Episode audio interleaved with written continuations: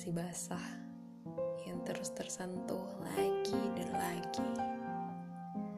Si empunya kadang suka lupa untuk menyembuhkannya atau paling tidak menutupnya terlebih dahulu.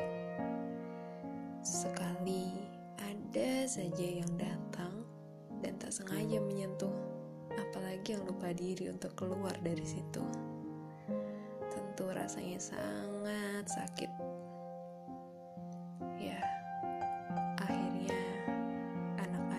Belajar lagi. Tak semua tamu harus dipersilahkan masuk. Dan tak semua tamu